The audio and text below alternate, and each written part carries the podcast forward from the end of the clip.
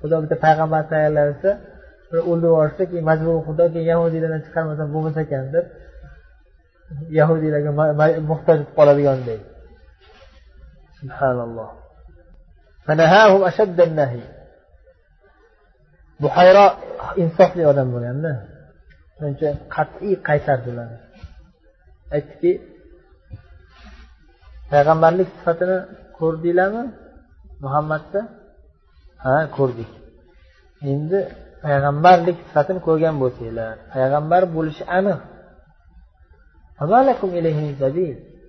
Sizlar uni o'ldira olmaysizlar baribir.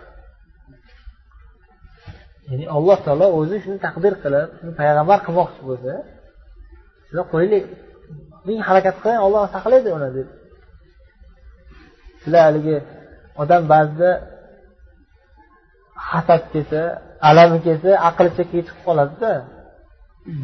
Nima bo'lsa bo'lsin qo'limdan kelgan ish qilib o'ldirib yo'qotib bir narsa qutulay deb aql ishlatib ko'rmaydi. E, Alloh taolo bizni ustidan olib kelolmaysan sen ahmoq.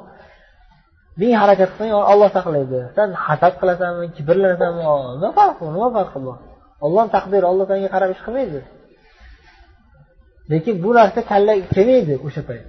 Odam jahli chiqib alami kelganda o'zini yo'qotib qo'yadida yahudiylarda bor narsa bor. Alam yahudiylarda hasad juda kibr va hasad juda kuchli.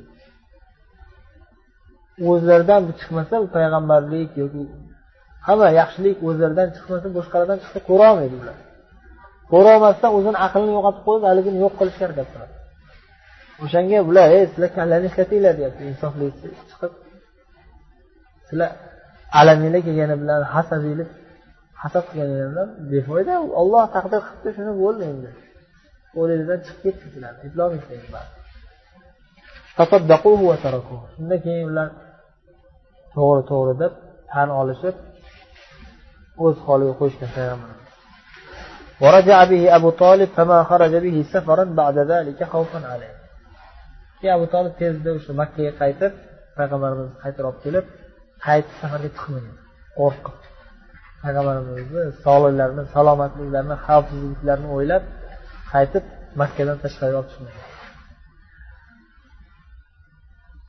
وما زال صلى الله عليه وسلم في صغره أفضل الخلق مروءة payg'ambar alayhi sallallohu alayhi vasallam yoshliklaridan tortib odamlarni eng chiroyli xulqli eng afzali bo'lgan muruatan degani insoniylik sifatlariga muruat eng go'zal insoniylik sifatlariga muruat deyiladi payg'ambarimizni eng go'zal xulqlar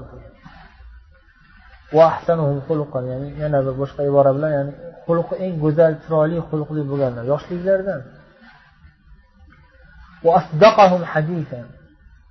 So'z gapirsalar doim rost so'zlaganlarda hech haligi gap olib qochish bo'lmagan payg'ambar ochiq gapirganlar. rost gapirganlar aldamaganlar hech kimni وأبعدهم من الفحش والأذى حتى سماه قومه الأمين uyatsizlikdan boshqalarga ozor berishlikdan eng uzoq odam bo'lganlar odamlar ichida eng uyatchang birovlarga hech ham ozor tekmay ozor yetkazmaydigan ozgina bo'lsa ham aziyat yetkazmaydigan mo'min qobil deydi. Muloyim inson bo'ladi. Hatto o'z qavmlari e, xalq o'zlarini e, qavm qarindoshlari amin omonatdor deb eng ishonchli inson deb laqab qo'yishgan yana payg'ambarimizni yoshliklaridagi axborotlaridan payg'ambarimiz sallallohu alayhi vasallam qo'y boqqanligi nima qilib pul topganlar qanday yashaganlar? Qo'y boqardilar. Abu hurayra roziyallohu anhudan rivoyat qilinadi. Nabiy sallallohu alayhi vasallam aytadilar biron bir payg'ambar bo'lmagan olloh yuborgan payg'ambarlar hammasi illa albatta qo'y boqqan hamma payg'ambarlar qo'y boqishgan. Hayotlarida ya'ni bu hikmati bor juda chuqur hikmati bor. Shularni eng asosiysi bitta ulamolar e, zikr qilishgan esimda bori qo'y boqishlik insonga sabr va boshqarishlik xislatlarini nasib bo'lishiga sabab bo'ladi. Qo'y boqqan odam sabrga o'rganadi. Qo'y boqqan odam odamlarni qanday boshqarishlikka o'rganadi. Qo'y boqishlik siyosat o'rgatadi. Chunki aksar odamlar qo'yga o'xshaydi ko'p jihatlardan masalan qo'yni doim kuzatib e'tibor berib turmasangiz u yoqqa ketib qoladi bu yoqqa ketib qoladi. O'zi bilmasdan o'zini o'zi halokatga olib ketaveradi. O'zi bilmasdan qo'y halokat yo'liga kirib ketib qolaveradi. U cho'pon yaxshi bir haligi sabrli ziyrak doim e'tibor berib kuzatib turmasa bo'riga yem bo'ladi. Yoki sahroga kirib ocharchilikdan o'ladi. Yoki boshqa. O'shaning uchun qo'y shunaqa haligi sodda. Bir hayvonda bir rahmli va aqlli odam sabrli va aqlli odam boshqarmasa qo'y yaxshi bo'lmaydi qo'y yaxshi boqilmaydi o'lib ketadi yo ochlikdan o'ladi yoki bo'riga yem bo'ladi. O'shaning uchun e, qo'y boqishni foydasi katta. Qo'y boquvchi odamga ko'p tarbiya beradiki odamlarga rahmli bo'lish. Qo'yga rahmli ya'ni aqli yo'qda nima qilasiz deysiz rahmingiz keladi. Rahmli bo'lishingiz kerak sabrli bo'lsangiz boqolmaysiz sabrli bo'lish kerak aql ishlatish kerak. Qaysi joyda yaxshi o't bor qaysi joyda yaxshi suv bor deb yaxshi kallani ishlatib boqish kerak. O'shanda qo'y semirib yaxshi sotiladi yaxshi so'yadi yaxshi go'sht beradi va hokazo xullas o'shaning uchun payg'ambarlarni qo'y boqishliklarini alloh taqdir qilishi juda katta hikmatli. Chunki payg'ambar aytdilarki biron bir payg'ambar o'tmagan illo qo'y boqqan. Magar albatta qo'y boqqan. Sahobalar so'rashdi siz ham qo'y boqqanmisiz? dedilar ha men ham qo'y boqqanman. Makka ahlini qo'ylarini haroritga boqardim haroritni tafsirida ikki xil qavul bor ekan.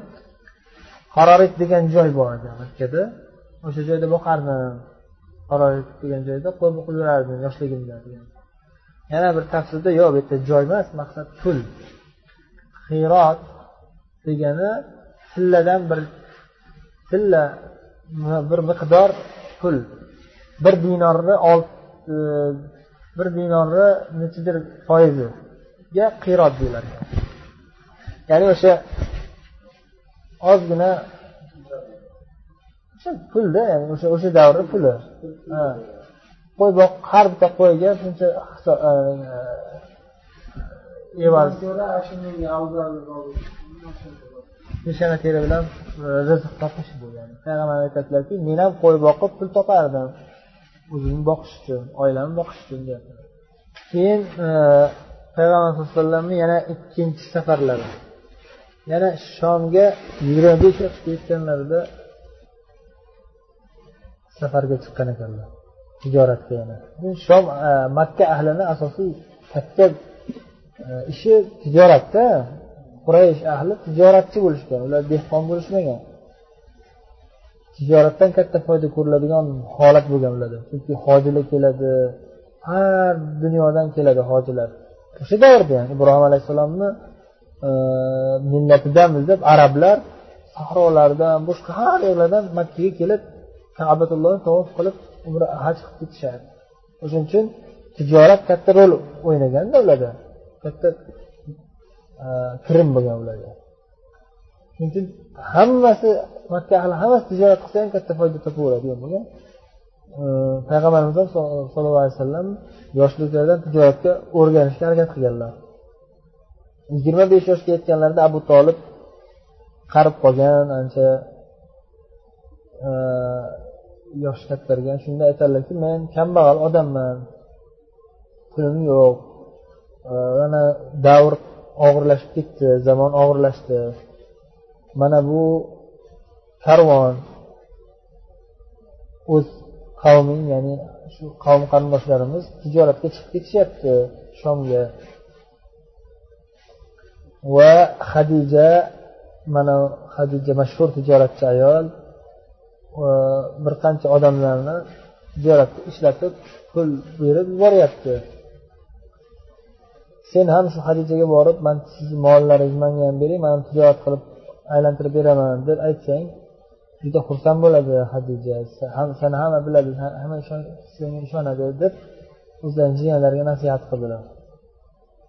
Abu tolib payg'ambarimiz muhammad sallallohu alayhi vasallamga qilgan nasihatlari hadijani qulog'iga yetib bordi darrov.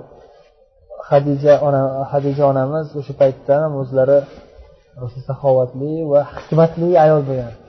Hadija onamiz juda aqlli va e, zukko sabrli chidamli ayol bo'lgan. Shu hadija onamiz aytgan ekanlar shu gap eshitganlar muhammad tijoratga chiqishga tayyorlanyapti degan gapni eshitganda darrov aytgan ekanlarki muhammad alayhissalom aytib men sizga ikkita odamga beradigan odam pulini beraman. Bir qancha tijoratchi haligida borda ishchilari bor. Har bitta ishchiga emas ikkita ishchiga beradigan pulni bitta sizga beraman. Siz ikkita odam o'rnida ko'raman deb ishonchim komil sizga degan ma'noda. Zaf degan ikki barobar abu tolib bu gapni eshitib mana olloh sizga yana rizq olib keldi. Darrov qabul qilib tijoratga chiqing endi deb nasihat qiladi payg'ambarimiz. Hadija onamizni xizmatchilari bo'lgan o'zlariga yaqin xizmatchilar maysarani payg'ambarimiz bilan birga birga ya'ni tijorat yo'li yo'riqlarini o'rgatib yordam berishga chiqaradi. Birga ketinglar birga boringlar deb. Payg'ambarimiz amakilari shu karvon ahliga nasihat qilishardi vasiyat qilishardiki shu yigirma besh yoshli yigit davrlarida payg'ambarimiz iltimos yaxshi qaranglar muhammadni yaxshi himoya qilinglar deb. Busro degan joygacha bordilar tijorat shomda karvon bilan birga. Busroda endi bir daraxtni soyasida maysara bilan tushdilar payg'ambarimiz dam olamiz. O'sha yerdagi nasroniy bir olim nasturo degan odam buni ko'rib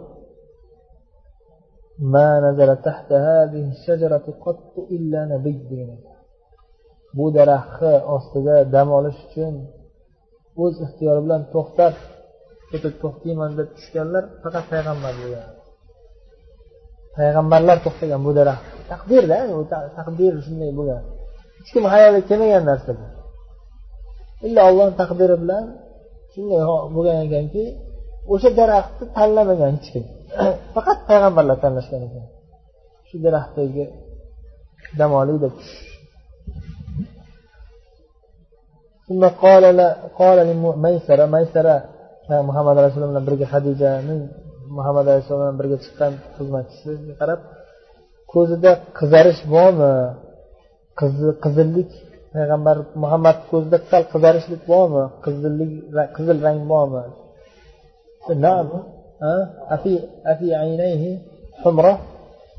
Ikki ko'zida bir qizillik rang bormi? Deganda ha? Qizarish bor doim birga. Qizarishlik ko'zlaridagi qizarishlik payg'ambarimizdan ajramagan ekan. Doim shu holda. Shunda haligi nasturo aytgan ekan bo'lmasin bu payg'ambar degan. Bu payg'ambar bo'ladi bu. Oxirgi payg'ambar bo'ladi deb aytgan ekan. Kun issiq bo'lib quyosh rosa qizigan paytlari payg'ambarimiz sallallohu alayhi vasallamni quyoshdan himoya qilib yuradigan ikkita farishta ko'rardi degan ekan keyin endi birinchi marta safarga chiqishida masalan muhammad payg'ambarimiz bilan yoshliklarida birinchi marta chiqib hayron qolgan bo'lgan ko'rgan alomatlarni ko'rib. Keyin qaytib kelishadi rosa issiq payti makkaga kirib kelishar ekan hadija onamiz o'zlarini qasrlarida shu uylarini kelish vaqtini karvon kelish vaqtini biladilar. O'zlari mollari bor kutib o'tirganlarda endi qani tijoratchilarim kelyapti deb kutib qarab tursalar rasululloh sallallohu alayhi vasallam tuyada kelayotganinglar endi karvon bilan birga ikkita farishta soya qilib kelyapti.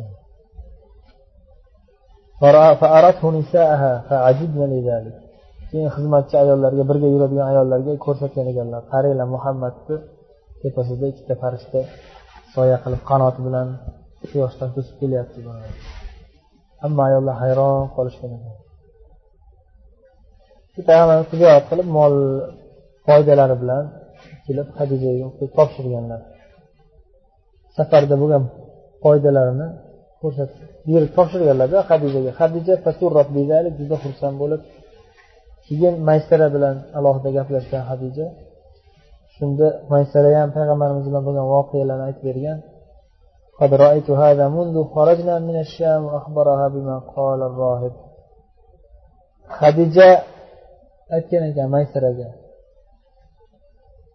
shu muhammad makkaga kirib kelayotganida ikkita farishta soyabon bo'lib soya berib kelayotganini ko'rdim desa maysara e siz endi ko'ribsiz man shu yerdan chiqib ketib shomga borib shomdan qaytib kelgunizcha shu holatni ko'rib kelyapman doim ikkita farishta bunga soya berib kelyapti deb keyin busroda haligi mastura degan rohib bilan uchrashishgani u aytgan gaplarni hammasini hadijaga xabarini berganlar endi shu paytda o'sha hadija onamizda payg'ambarimizga muhabbat paydo bo'lib o'zlariga e, er bo'lishini xohlaganlar.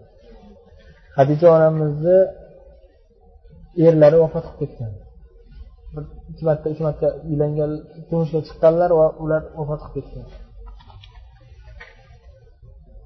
Keyin uylanmaganlar turmushga chiqmaganlar. Shundan keyin qaytib turmushga chiqmaganlar.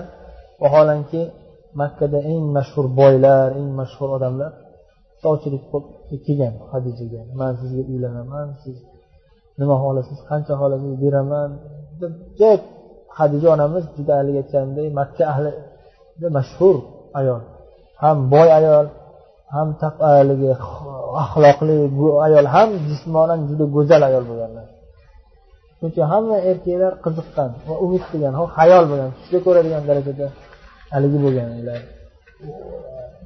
hadijaga yetish yetish bu qiyin narsa bo'lgan. Lekin hadija onamiz payg'ambarimizni ahvollarini ko'rib o'zlari muhabbat qo'yganlar payg'ambarimizga. mutaysa bin munniya degan ayol aytyapti. Hadija bint huvaylid ibn asad ibn abdul uzza ibn qusay imroatan hazimatan jalbatan sharifatan. Hadija hadija onamiz haqida mutaysa aytyaptiki jiddiy ayol edi. Juda jaldatan degan sabrli ayol edi. Qiyinchiliklarga juda qattiq sabr qiladigan sabrli ayol edi. Sharifatan nasab nasl nasab jihatdan juda obro'li sharafli ayol edi. quraysh ayollarini ichida eng oliy nasab. Bu moli ham boy ayol.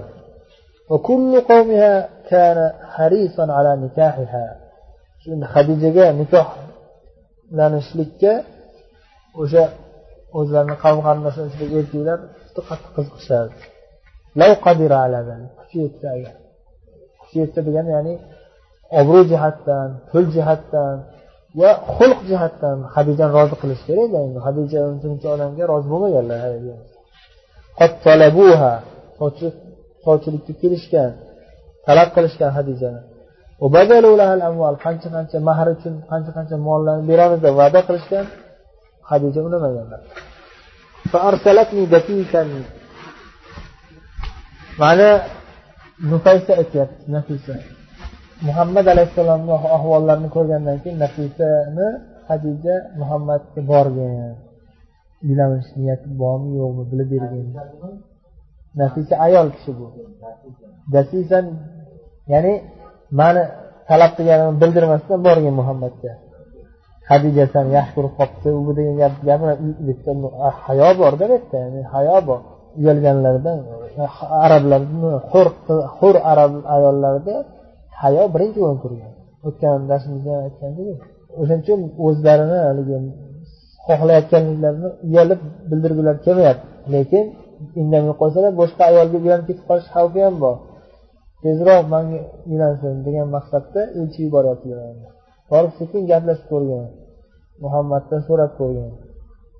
Uylanish niyati bormi agar niyati bo'lsa hadijaga sovchilikka bormaysan deb aytdi.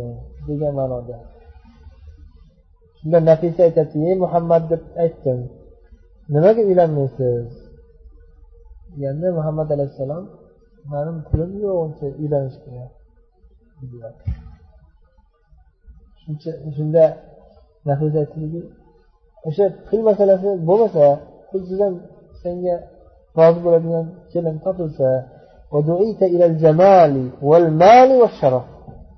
senga bir kelin bo'lsayu u go'zalligi ham puli ham sharaf obro' martabasi ham bo'lsa val kafaa e, senga mos keladigan axloqiy jihatlardan ham hamma jihatlardan senga mos keladigan ayol bo'lsa rozi bo'lmaysanmi desa kim bu ayol? Bir so'z qayerda bu ayol kim deb so'radilar. Unda hadija hadijaga uylanmaysanmi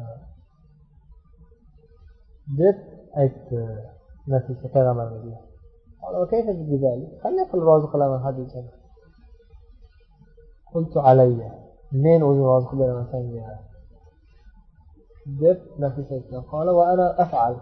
اگر راز بسن البته إلى لما دف لفهم برای محمد صلی الله علیه و آله خدیجه تنی لگه خدیجه نه لگه تنی همه تنی همه یاد یخ کشد فذهبت فأخبرتها فأرسلت إليه أن ائت بساعة كذا وكذا وأرسلت إلى عمها عمرو بن أسد ليزوجها فحضر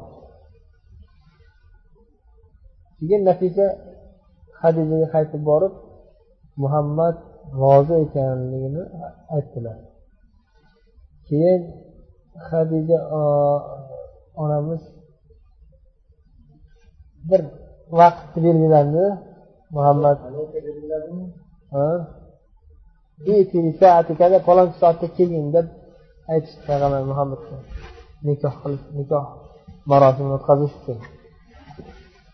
Va o'zlarini amakilari amr ibn asad hadija o'zlarini amakilari amr ibn asadni chaqirtirdilar amakilari vali arablarda valisiz uylanish bo'lmagan o'zi odatda. Mani uylan man kuyov topdim endi keling nikoh o'qishga amr ibn asad hadijani amakilari kelib ودخل رسول الله صلى الله عليه وسلم في عمومته payg'ambar alayhi vasallam o'zlarini amakilarini chaqirib keldilar فتزوجها وابنه وهو ابن خمس وعشرين سنة وخديجة من أم أمين بنت أربعين سنة payg'ambar alayhi vasallam hadija bilan hadijaga nikohlandilar yoshlari yigirma besh yoshda edi hadijani yoshlari aksar mashhur rivoyatlarga qaraganda qirq yoshda edi Lekin yigirma sakkiz yoshda bo'lganlar degan rivoyat ham bor hadija onamiz. Yigirma sakkiz yoshda bo'lgan ekanlar ba'zi bir rivoyatlarga qaraganda. Bizni jomiyada dars bergan ustozimiz shunda rojih. Qirq yoshda bo'lmaganlar hadija onamiz yigirma sakkiz yoshda bo'lganlar. Lekin u mashhur rivoyat emas bu lekin. Ammo voqega to'g'ri keladiganroq rivoyati to'g'rirog'i shu deb ustozimiz shuni to'g'ri degan shuni shu rivoyat sahihroq degan san'at jihatdan ham sahihrog'i shu degan. Yigirma sakkiz yosh hadija onamiz yigirma sakkiz yoshda bo'lganlar. Va ehtimol qirq yoshda bo'lgan bo'lishlari ham ehtimol. Abu tolib ham nikoh vaqtida kelgan hozir bo'lgan va banu mudor payg'ambarimiz qarindoshlari muzar bani avlodi payg'ambarimizni qarindoshlari bo'lishadi hammalari kelishgan keyin abu tolib nikoh xutbasini o'qigan ekan الذي جعلنا من ذرية إبراهيم وزرع إسماعيل وضئضئ معد وعنصر مضر وجعلنا حضرة بيته وثواس حرمه وجعل لنا بيتا محجوجا وحرما آمنا وجعلنا الحكام على الناس. ثم إن ابن أخي هذا محمد بن عبد الله لا يوزن به رجل إلا رجح به. فإن كان في المال فقل.